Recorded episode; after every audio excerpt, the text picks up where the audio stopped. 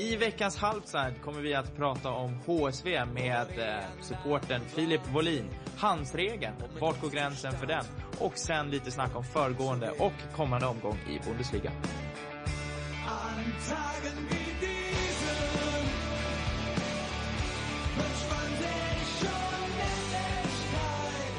Ein Trainer ist ein Idiot.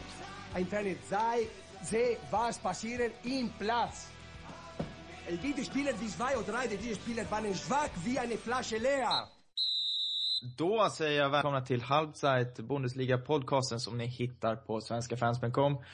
Det är jag, Adam, skribent på Svenska fans och Fotbollskanalen. Och så är det Andreas, Hallå.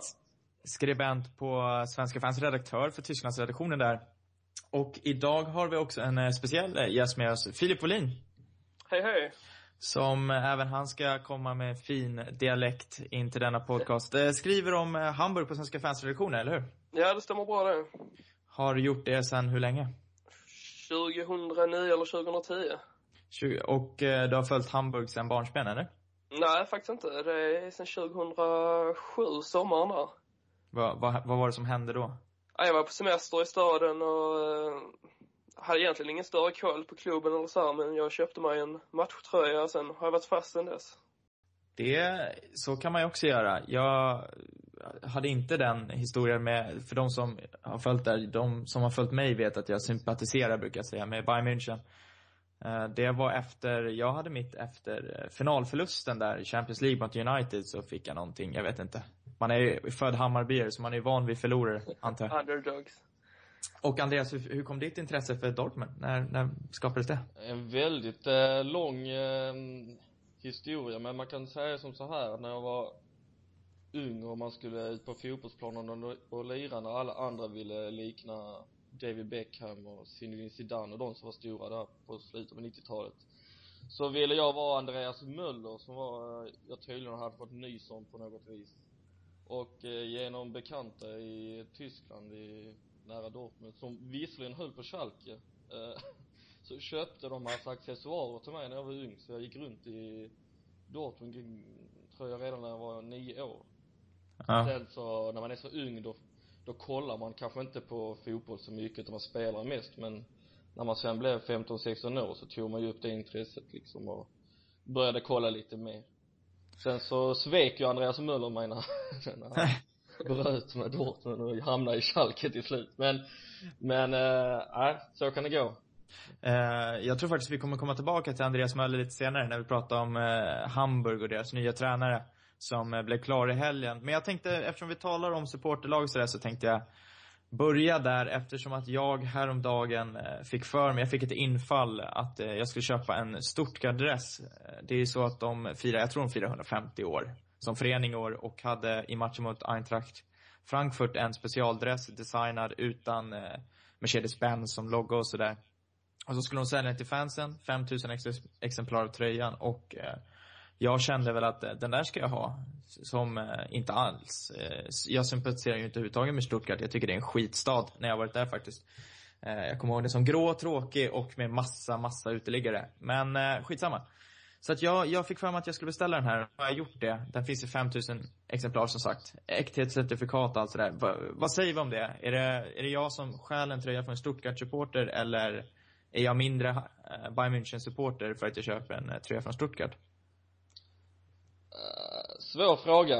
Eh, det, jag vet ju inte hur stor efterfrågan det har varit på de där tröjorna. Men eh, om det är så att det är flera hundratal som har eh, köpt tröjan utan att vara supporter till laget och medan andra Stuttgart-fans känner sig rånade på sina möjligheter så det är väl klart att det kanske är lite känsligt. Sen om du är mindre Bayern-supporter, jag vet inte. Eh, så eh, så stor rivaliteten är det kanske inte. Hade du köpt en Nürnberg-tröja så hade det kanske varit mer eh, straffbart. Något. Vad säger du Filip? Ja, Jag känner lite så här att samlar man på fotbollströjor så är det ju helt klart okej att göra en sån sak. Eh, Men ja, nej jag tycker inte det är några problem med det egentligen. Skulle ni kunna tänka er att gå runt med en eh, Bundesliga-tröja från ett annat, från ett annat lag än era favoritlag? Inte ha på mig, men jag skulle kunna ha en i min samling. Helt klart, eh, precis så. Skulle jag också Ja, jag går inte och klär mig. Kanske i någon sån här eh, skön klubb i division 4 eller division 5 liksom, nere i regionalliga eller oberliga och sådär. Det skulle man kunna göra om de inte har någon så här skum historia som man inte vill vara en del utav. Eh, Men jag skulle inte eh, gå runt i en, en ja, Hoffenheim-tröja eller, det kanske är värsta exemplet. Men, Ja, det är faktiskt fruktansvärt. Grymt. Då lämnar vi en riktigt tung tröjdiskussion. Jag kommer i alla fall få min eh, Stuttgart-tröja och eh, jag kommer säkert visa upp den i ett och annat medie. Eh, skitsamma. Vi går vidare till eh, de matcher som spelades under eh, föregående helg, så att säga. På fredagskvällen så vann Borussia Mönchengladbach mot eh, Eintracht Braunschweig med 4-1. Inte mycket där att säga. Eh, Mönchengladbach något vassare. Hannover mötte FC Augsburg, slutade 2-1. Bland annat eh, två straffar i den matchen. Och eh, vi kan hoppa på den diskussionen direkt eh, eftersom att det blev mycket diskussion efter matchen. Det, vi pratar handsregeln eh, som är ganska otydlig. Vad, hur tolkar ni handsregeln? Luddig. Jag Vad har varit på någon, eh, jag var på allsvenskans upptaktsträff eh, för, eh, inför förra säsongen och då fick man en rätt så bra genomgång av den där från domarrepresentanten där. Och det handlar ju om att boll, eh, handen ska söka bollen eller att handen inte får vara i någon onaturlig position liksom. Nej, man får inte f- f- eh, förstora sig, eller hur? Alltså du får inte göra det kroppsligt större med armen, så jag har förstått, eller hur? Nej precis, men sen så är det ju om man kanske står lite man får bollen skjuten på sig en meter ifrån liksom, man måste ju kunna hinna reagera i så fall också. Ja. Eh, Men den är ju väldigt luddig och eh, supportrar väl inte de som sitter och läser regelboken eh, in och ut heller utan eh, det blir alltid en stor diskussion om hans eh, situ- situationer liksom. Ehm, jag har inte sett de här eh, situationerna i själva den här matchen men jag tycker att den är eh, väldigt, eh, det kommer alltid vara en stor diskussion liksom efter varenda hands. Så är det ju. Eh, Att döma av det som har skrivits så verkar de flesta medier och vad alla säger, så verkar det vara som att domarna har i alla fall dömt rätt sett till de instruktioner som finns. Vad som däremot kom upp som var intressant var att Augsburg-spelare sa efter matchen att de hade haft en domarrepresentant hos sig som hade berättat om regeln och hade sagt att de själva inte riktigt, alltså domarna själva inte är riktigt säkra på vad det är som faktiskt gäller. Vilket ändå borde säga en del om hur luddig den här regeln är, eller hur? Det är ju rätt illa att en domare säger så om sina kollegor också. Eller en domarrepresentant liksom. Men eh, det tillämpas väl samma regler i hela Europa liksom. Och då, eh, det är klart att domarna borde veta om hur det fungerar. Men det ser ju olika ut, alltså för varje situation det blir hans så ser det olika ut och alltså det är så svårt, det är så svårt bedömt liksom se om den söker sig eller inte. Det är ju verkligen bedömning. Eh, Ja, det, det är ju faktiskt omöjligt att säga och därför så hade ju Robin Dutt i, eh, Dutt, kanske man så fint säger, i eh, Werder Bremen hade ju förslaget att allting eh, som var hans skulle det dömas för. Och han hade ju en åsikt att han tyckte att då skulle man faktiskt kunna lägga till ett element, det vill säga att man ska nästan söka ett skott som går mot handen. Eh, vad, vad, känner kring, vad känner han kring sån regel? Att man skulle göra den så tydlig? Men det kommer, det kommer liksom om man, om man gör med en sån regel kommer det ändå falla in en massa parametrar liksom. Vad gäller om man har armen in till kroppen eller vad det, alltså det, det, ko- det går nästan inte att göra den så pass enkel att bara, där tar den på handen så är det straff liksom. Då måste man, man kan ju inte såga av sig armen liksom. Det är ju, så att den, det kommer alltid finnas va.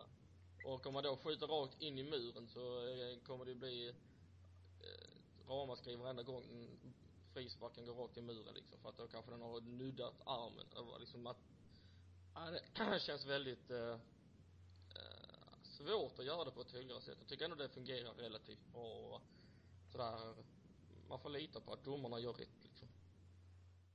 Du håller med Filip? ja alltså jag vet inte om man ska kunna göra det annorlunda. Alltså, nästa steg är väl så fall att man gör som i ishockey, att man bryter spelet och går igenom det på tv-bilder. Det fy att hela, fan. ja, hela sporten förstörs ju av det. Så, så jag vet inte. Det är väl bra som vi har det nu då antar jag. Eh, det får vi, ja bra vet jag inte, men det, det, det tycks ju ändå finnas någon sorts, eh, Jag vet inte, nej. Jag, jag, det är en svår regel. Jag tycker är, det kommer alltid uppstå situationer där vi kommer sitta och diskutera, var det hans eller var det inte hans? Men det är just det att det är alltid någon som blir missnöjd när det döms för hands eller när det inte döms för hands.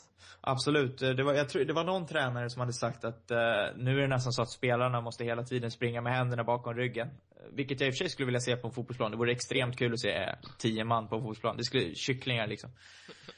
Eh, men nej, det finns ingen riktigt bra lösning, eller hur?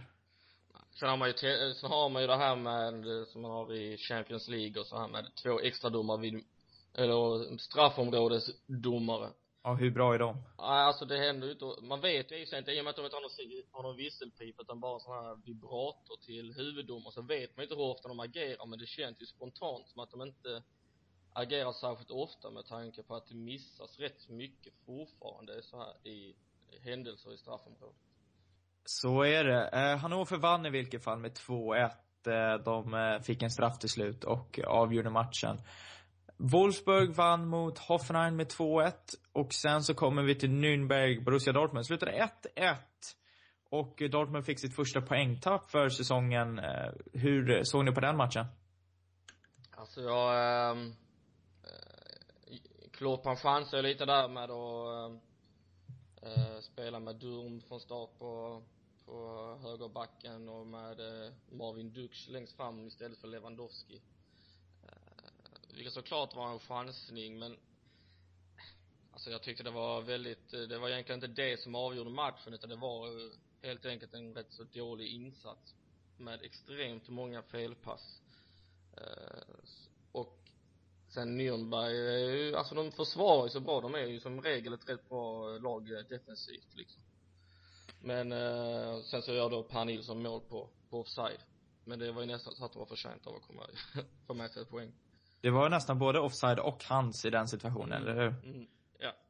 Eh, Så du, så du matchen Filip? Nej, inte hela. Men jag kan ju tycka det är kul att uh, Dortmund visar upp sig lite från sin mänskliga sida och att det bara jämnar till sig i tabellen ändå. Eh, Jag såg eh, statistik efter matchen som visade att eh, löp, antalet löpkilometer på båda lagen och tydligen så var det topp på båda. Nürnberg sprang så här 120 kilometer eller något sånt där totalt. Och Dortmund låg på liknande och det är toppresultat på hela säsongen från två lag. Så att bevisligen så var det mycket spring i benen. Det blev väl ändå det är mycket felpass också. Ja, absolut, men det kändes... eh, tror Dortmund hade eh, närmare 100 felpass i den matchen. Det är väldigt mycket för att vara Borussia Dortmund. Ja, det är ju fler än en pass i minuten. Mm. Är intressant också, som sagt, du nämnde Per Nilsson gjorde mål. Stabil insats bakåt eh, och blev faktiskt utvald i veckans lag i tidningen Kicker som vi alla håller väldigt högt som följer tysk fotboll. Var eh, Per Nilssons kontrakt går ut efter säsongen? Blir han kvar? Borde han vara kvar? Eller vad, vad ska vi förvänta oss? Vad tror vi om hans framtid? Han är väl ändå 33 år nu tror jag. Vad jag har förstått så trivs han ju väldigt bra i Nürnberg. Ehm, och de, det var väl snack redan i, eh, här i sommar som en eventuell eh, kontraktsförlängning. Sen så vet jag väl att det finns svenska klubbar som vill ha hem honom såklart. Så att han kan avrunda säsongen. Det känns som att vadet ligger lite hos honom också.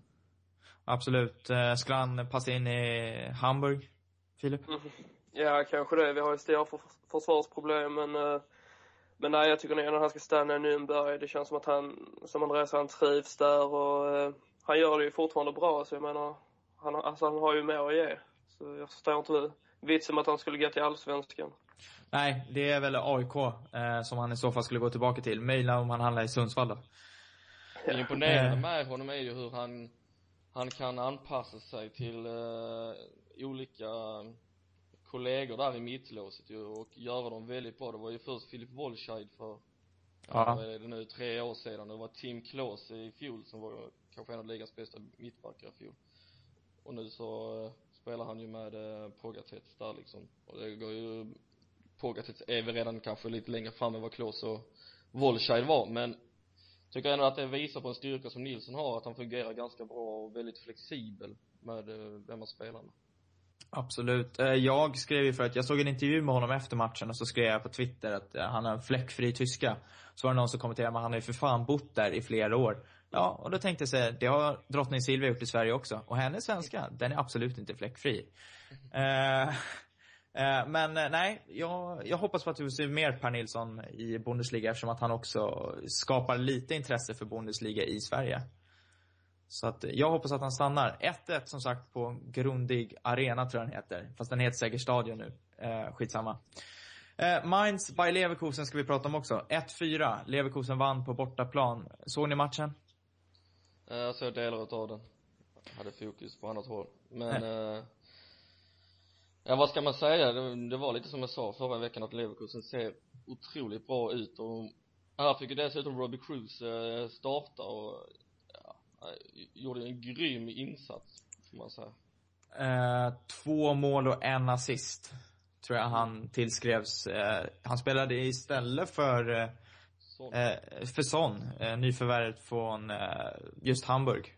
Och eh, gjorde det som sagt bra. Jag såg faktiskt hela matchen. Eftersom att det hela tiden eh, ploppade upp mål därifrån så vart det att jag satt där efter fem minuter och kollade. Men eh, mycket bra insats av Leverkusen som ändå kom från en förlust på Old Trafford mot Manchester United och spelar riktigt bra faktiskt. De är extremt vassa offensivt. Och Filip Wolschard var tillbaka i mittförsvaret istället för Emir Spajic. Och gjorde det bra. Jag tyckte ju själv att han skulle vara med i landslaget för eh, ett par månader sedan och jag tycker fortfarande att han håller väldigt hög nivå. Leverkusen har väl nästan etablerat sig som kanske det tredje starkaste laget i Tyskland just nu. Eller vad säger ni? Jo, men alltså de har ju värvat jättebra i somras och ersatte eh, Schürrle bra. Och ja, alltså det fungerar ju jättebra för dem. Och det är väl som du säger, det är väl Tysklands tredje största, eller ja, bästa lag just nu jag undrar om inte de till och med kan vara bättre än det i år alltså. Jag eh, Ja, har inte, har inte hittat några tendenser här som det visar väl sig sen när de eh, eh, ställs mot eh, Dortmund liksom eller sådär. Men eh, sen förlorade de i och för sig mot Schalke väl? Eh, Ja. så, så man vet ju inte men jag tycker, alltså deras offensiv är ju otroligt kul att kolla på. Eh, väldigt bra. Och också fint att kunna se en spelare som Simon Rolfes eh, hitta formen som han har gjort här inledningsvis Yes. Eh, sen så var det en till match på lördagen och det var Nordderbyt Hamburg mot Werder Bremen. Slutade 0-2, vinst Werder Bremen. Jag tänker att vi tar den matchen om en liten stund när vi tar hela HSV-köret, så diskuterar vi den. Och hoppar istället på eftermiddag eller kvällsmatchen på lördagen, vilket var Schalke mot Bayern München. Bayern München vann med hela 4-0, den största bortasegern för Bayern München mot Schalke någonsin. Eh, riktigt stark insats, även om första 20 ändå, vilket är väldigt lite av fotbollsmatch, men det var det, det var Schalkes del. Och sen var det Bayern München för hela slanten. Hur, hur bra är Guardiolas Bayern? tycker väl att det visar, den här matchen visar väl lite att när Bayern München är på topp så eh, kan nog inget lag i Bundesliga egentligen eh, sätta stopp liksom. Det var ju mycket snack också om eh, mötet mellan Jerome Boateng och Kevin Prince eh, och det var väl ingen snack om vem utav dem som vann den kampen där Jerome var riktigt bra i den här matchen eh, nej jag vet inte, det var eh, det var ju klasskillnader. Jag vet inte om man kan skylla så mycket på att Schalke var dåligt för att när Bayern är så här pass bra med det eh, materialet de har så finns det inte många lag i världen som kan hota dem. Va, vad säger du Filip? Nej, men alltså de har ju inlett lite svagt under Guardiola, men eh, nu tycker jag de visar upp sig ifrån sin rätta sida liksom och ja, de satte ner foten och visade helt enkelt att de är bäst i ligan och, och att de är med från början nu och kommer att visa liksom vilket lag det är som bestämmer. Absolut. Eh, det ser riktigt bra ut. Det blir spännande att se utvecklingen. De hade ju extremt, de hade världens 65% bollinnehav. Över 600 passar inom laget jämfört med Schalke som låg på 230, tror jag, något sånt. Eh, helt klart har Guardiola satt en stämpel i alla fall på Bayern jämfört med förra säsongen eh, då de inte alls hade samma bollinnehav. Lite spännande att de faktiskt, eh, kanske var den här matchen syntes tydligast att Guardiola Eh, hade satt sin stämpel på laget för samtidigt så gick Barcelona och förlorade bollinnehavet, som jag förstod det mot eh, Rayo i Spanien. Så att, spännande. Hur det kan gå. Eh, söndagens matcher var Freiburg mot Hertha 1-1. omgångens absolut tråkigaste match kan jag säga, för de som satt och såg på den.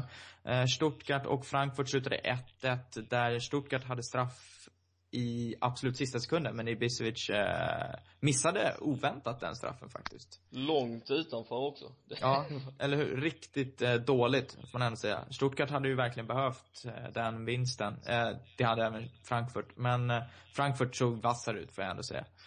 Eh, över det stora hela. Men då, då går vi in på Philips del. Nu blir det mycket Filip, kan vi säga. Hamburg, Werder Bremen, 0-2. Reaktioner på den, Filip? Oerhört tungt. Ehm, det var liksom, ja, nu ligger vi på kvalplatsen i tabellen och, och detta var andra förlusten i rad efter att vi visade lite styrka hemma mot Braunschweig och vann med 4-0. Nu har vi liksom släppt in åtta mål på två matcher och gjort två framåt och mot Bremen var det inte mycket offensivt som stämde och inte jättemycket defensivt heller.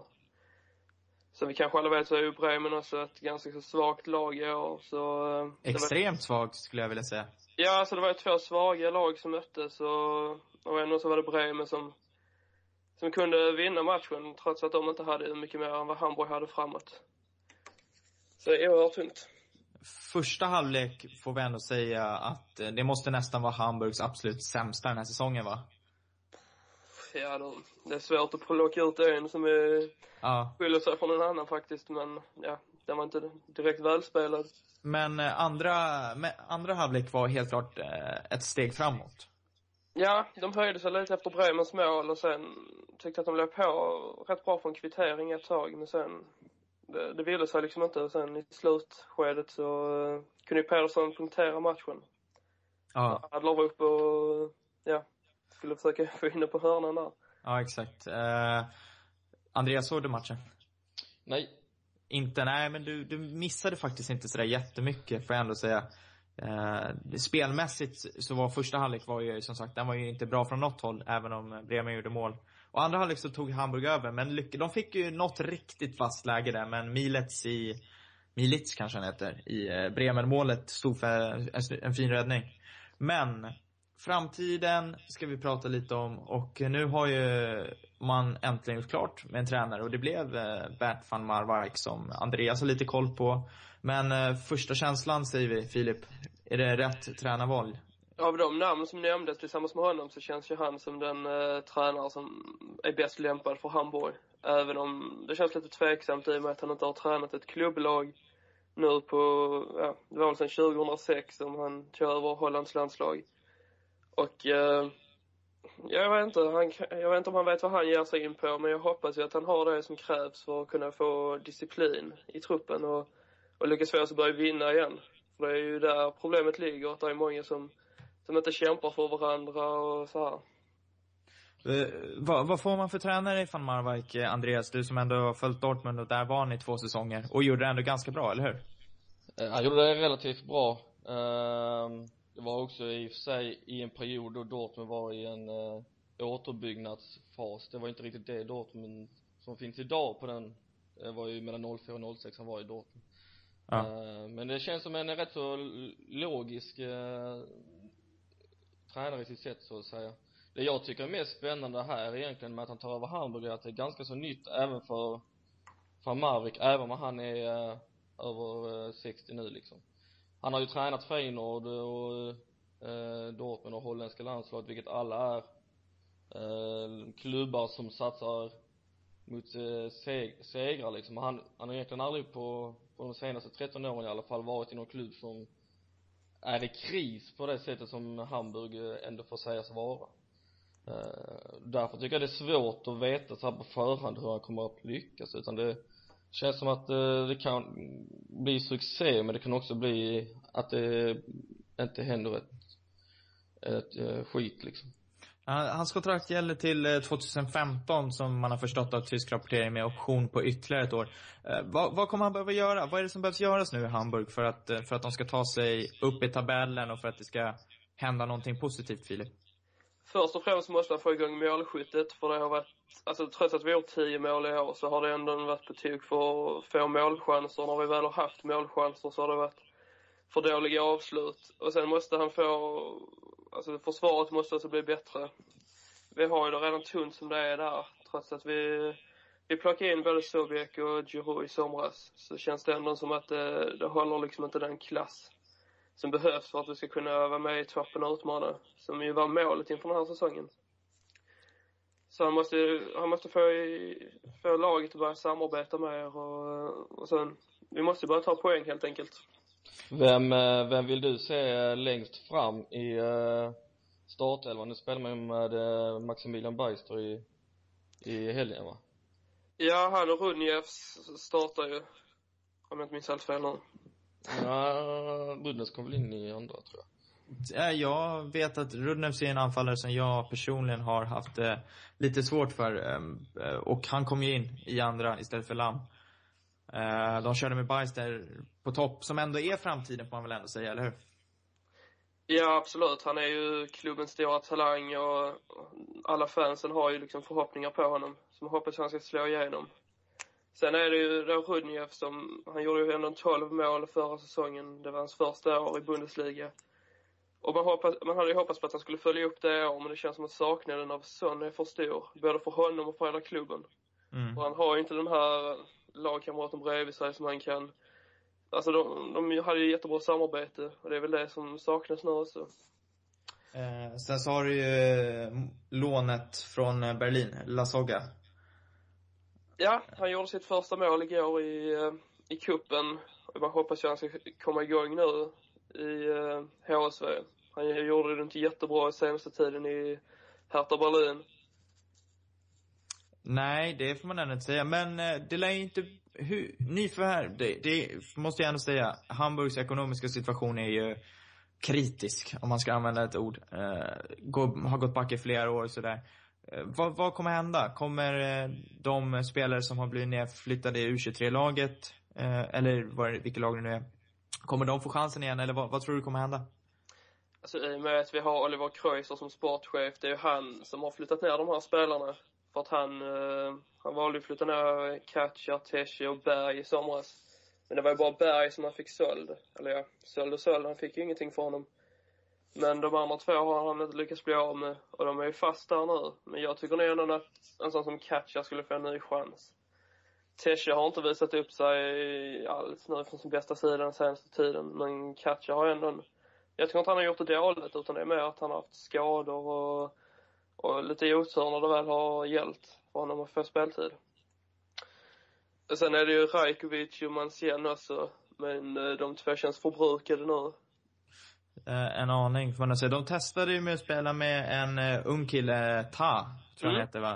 Eh, 18-19 år. Gjorde ju ingen jättebra insats, men där är också, det är ett positivt tecken man tar upp. Blir det mycket satsningar på ungdomar, tror du? Alltså vi har ju haft lite blandat nu. Vi har ju föryngrat truppen rätt rejält jämfört med för två säsonger sedan. Men en sån som Ta, han har ju ändå en stor potential till att bli en, en uh, framtid storback liksom. eh, jag tyckte ändå han gjorde det hyfsat mot Bremen med tanke på att han är född 1996 och han fick även spela igår mot Kreuter Fürth i cupen och där var det han som räddade laget lite från att släppa in ett sent kvitteringsmål. Där han rensade en boll på mållinjen och och nej, jag ser ändå en stor potential hos honom och sen har vi ju som sagt Beister, eh, och vi har Arslan till exempel som också har gjort det bra. Och Lam har ju kommit fram nu den här säsongen och visat upp sig. Så jag tycker ändå det ser ljust ut på den fronten. Men eh, vi saknar väl lite en ledargestalt i truppen just nu. Det får man ju verkligen säga. Van der, Va- van der Vaart eh, är ju kapten. Känns inte riktigt som kaptensmaterial, eller hur? Nej, alltså man, alla, när han skrev på så alla hade ju stora förhoppningar på att han skulle bli vår frälsare. Men jag tycker inte han har visat upp det överhuvudtaget. Tvärtom har han nästan varit en av de sämre i laget.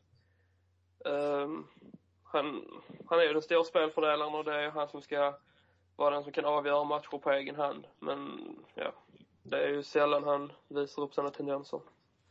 Exakt. Andreas, har du någonting att tillägga? Nej, ehm, det var väl det här nyförvärvet av Johan Djuru liksom som jag i matchen mot eh, Dortmund tyckte var rent ut sagt fruktansvärt dålig. Men som ändå har hämtats in från, eh, eh, som lån från Arsenal det va? Eller om han Ja, det en stämmer. övergång. Men, ehm, jag vet inte, jag tycker man har ändå en västerman i truppen liksom i försvaret så man borde kunna bygga ett hyfsat stabilt försvar kring Marcel Jansson är inte heller någon dålig ytterback heller för den delen och det är väl därför som Filip säger att det kanske är så att det är offensivt som det egentligen behövs eh, få igång någonting medan Bertram Marvik defensivt egentligen bara behöver dra lite trådar och kanske hitta rätt eh, symmetri eller eh, synergi i där för att kunna få ihop det Absolut, det blir spännande för fortsättningen. Jag ska faktiskt själv åka ner eh, till den 17 omgången, vilket är precis innan julafton, december, och se Hamburg mot Mainz, hade jag tänkt, på Imtech Arena. Det blir spännande. Jag har aldrig varit där, så att, rekommenderar du staden, Filip? Absolut. Det är den vackraste staden jag har varit i faktiskt. Så, så det rekommenderar jag starkt. Och så är det ju jul också, så det kommer ju vara väldigt fint där nere. Julmarknader och annat kul för oss som uppskattar eh, sånt där.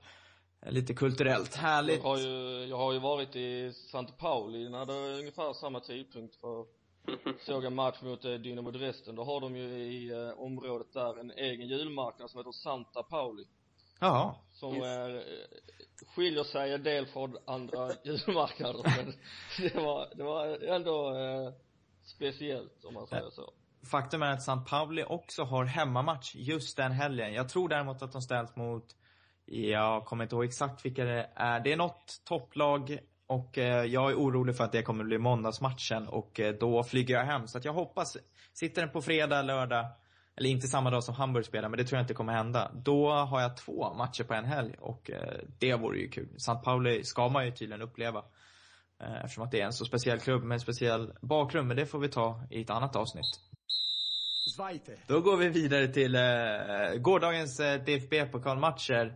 Som eh, inte bjöd på någon större överraskning. Det var ju Dortmund hade lite problem mot eh, 1860 München nere på Allianz Arena. 2-0 slutade till slut på Dortmund efter att de gjort två mål på övertid. Eh, in, intryck från den matchen, Andreas?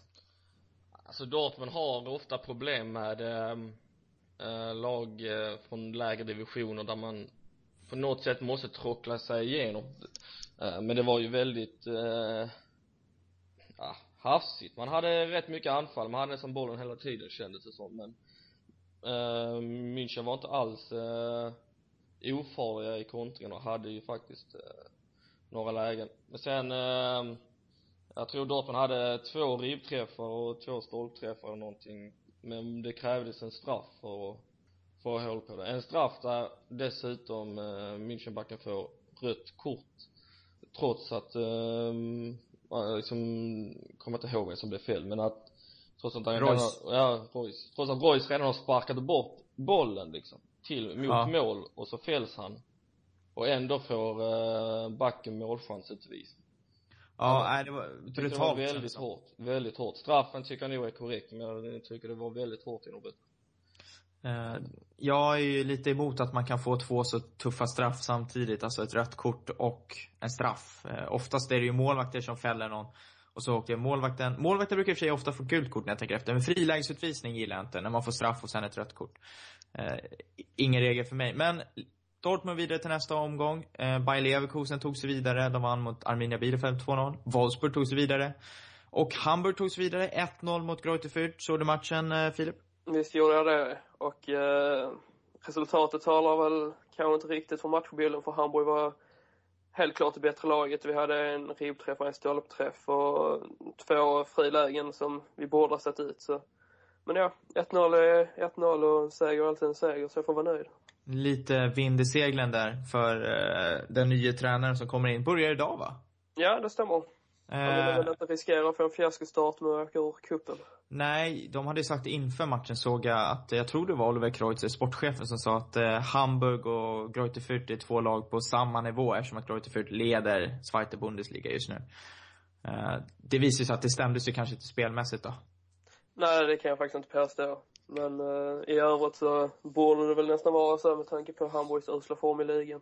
Absolut. Så, så borde det kanske vara. Eh, Hoffenheim vidare efter förlängning. 3-0 mot eh, Energi Cottbus. Alla svarat Hoffenheim, alltså vidare. Jättekul för dem, men inte för någon annan.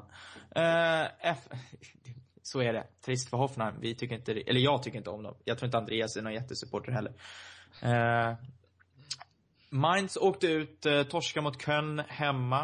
Eh, 0-1 slutade den matchen. Köln har under sin nye nya tränare Peter Stöger, tror jag han heter, inte förlorat än så länge i Bundesliga eller DFB-pokal. Eh, sen vidare så har vi Augsburg gick vidare och eh, SV Sandhausen. Men eh, DFB-pokal blir ju intressantare ju längre det lider och eh, ingen jätteöverraskning i den här omgången i alla fall.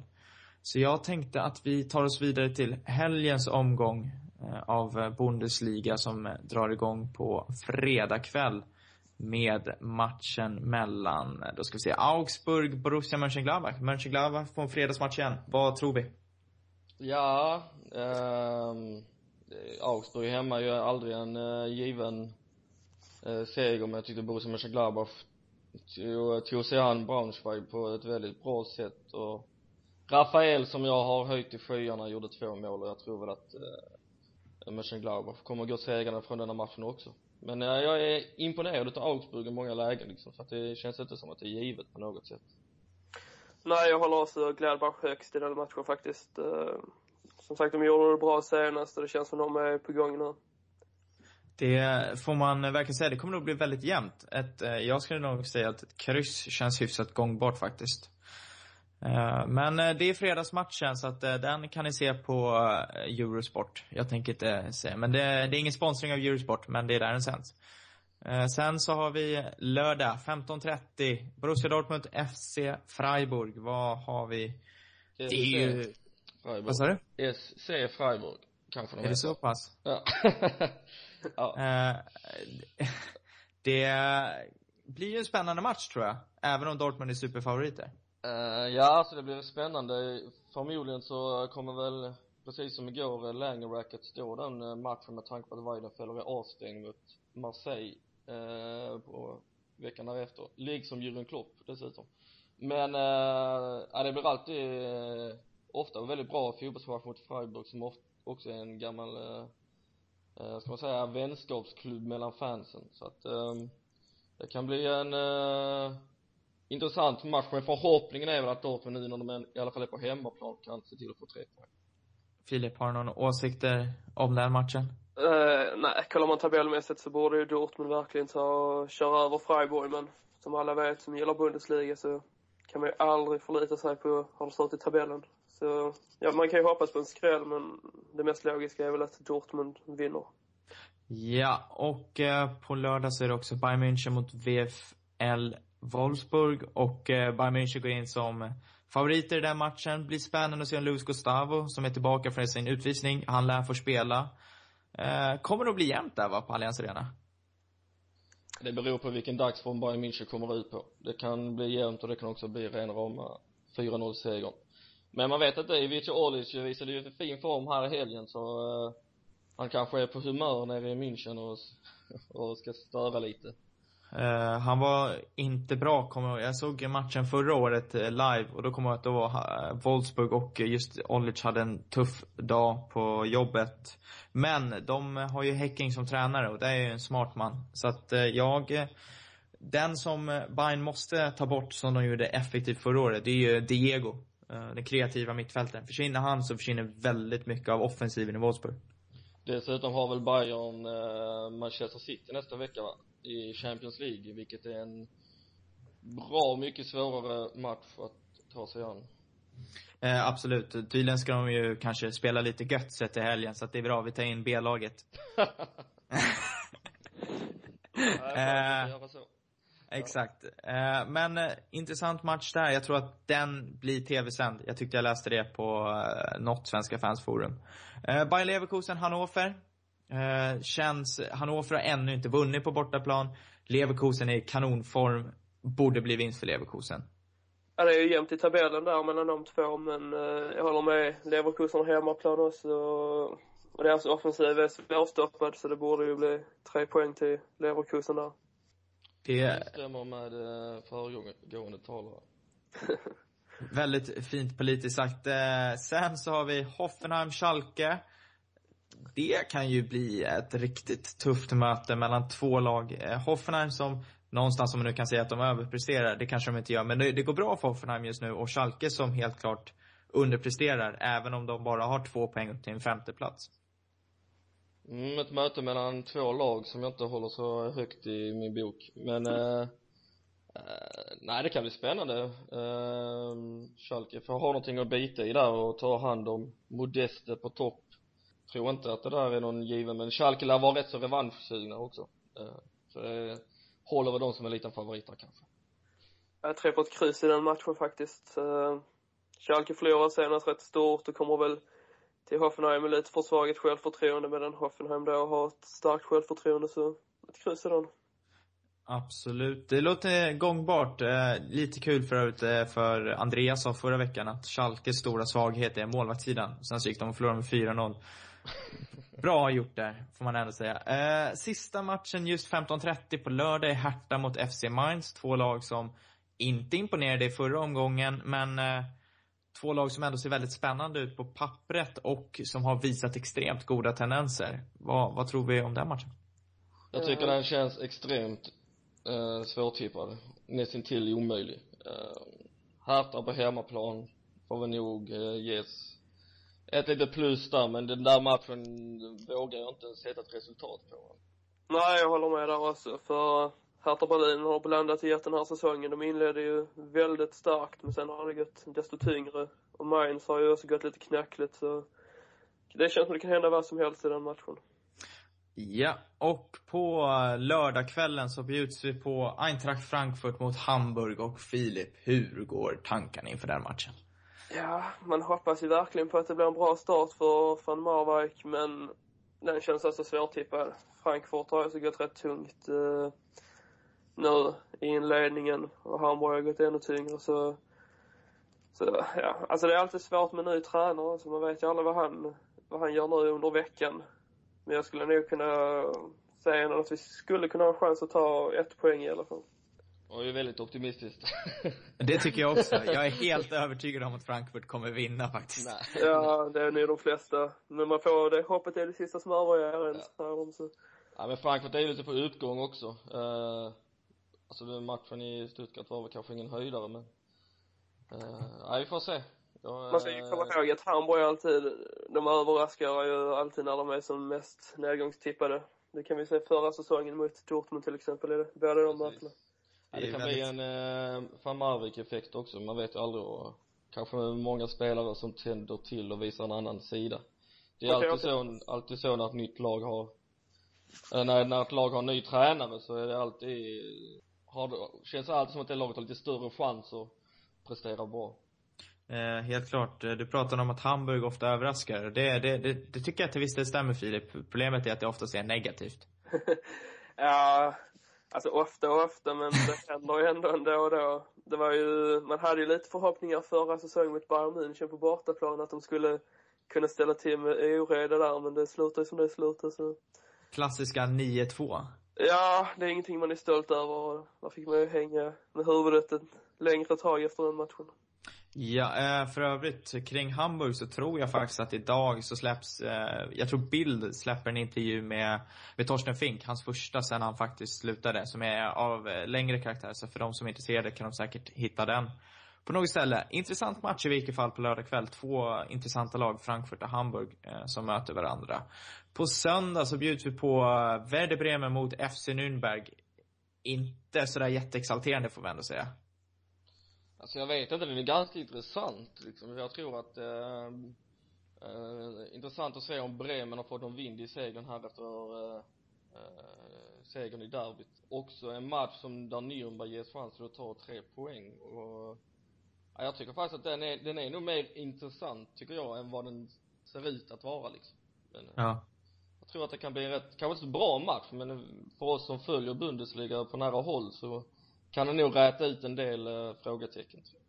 Ja, Absolut. jag är aldrig exalterad när Bremen spelar så, men jag hoppas ju att Pelle Nilsson fortsätter med sin målform nu och stänker ut ett par baljor. Eh, exakt, vad, åtta, åtta mål och alla åtta har varit på fasta situationer. Jag tyckte jag läste någonstans. Eh, det är svensk intresset, självklart. Per Nilsson. Nürnberg behöver ju verkligen en vinst. Eh, skulle man få en vinst så skulle man nästan, då skulle man i alla fall distansera sig en aning från den absoluta bottenstriden. Och det här tror jag är, nu har Bremen gått bättre än vad jag trott. Jag tippar dem som nedflyttningslag. Men jag tror att det här är en extremt viktig match för båda lagen. Det här är en sån här match som man bara måste vinna om man vill undvika bottenstriden. Eh, det säger jag. Det är ingen som har några åsikter om det, tycker jag, för det är rätt. Eh, söndag kväll, vi avslutar Bundesliga-omgången med ett absolut eh, krisande Eintracht Braunschweig mot ett Stuttgart som har börjat plocka po- poäng under sin nya tränare Thomas Schneider. Vad, vad tror vi kommer hända på en stadion som heter Volkswagen stadion, heter den faktiskt, i Braunschweig? Ja, Ja. allt annat än en seger för Stuttgart känns ju uteslutet i mina ögon. Ja, Så- det, det är det man får utgå ifrån här eh, med tanke på det man har sett av Braunschweig inledningsvis. eh, Stuttgart har ju en tuff match i och sig här ikväll då, onsdag kväll mot Freiburg i cupen, men eh, tror väl ändå att de kan åka till Braunschweig och hämta in tre poäng. Borde göra det i alla fall. Så eh, borde det gå Müssen zeigen, ja, sie will. Samstag, diese Spieler müssen zeigen mich. Es seien die Fans. Müssen alleine das Spiel gewinnen. Müssen alleine das Spiel gewinnen. Vi ska ta upp en kort sak innan eh, vi lämnar er. Eh, Robert Lewandowski sa efter gårdagens match mot 1860 München i den mixade zonen, sägs det att han har sagt, eller han sa det, för det har gått ut med det. Så sa han att eh, den 2 januari så kommer han officiellt att bekräfta, eh, offentliggöra vart han hamnar eh, nästa säsong och mycket tyder på att det blir Bayern München. Eh, ingen eh, som är förvånad där va? Nej, alltså jag, eh, sedan den här soppan i somras så har jag egentligen undvikit all form utav eh, eh snack om Lewandowskis eh, framtid för det känns så, eh, med de två agenterna han har så vet man inte eh, alls vad som händer liksom.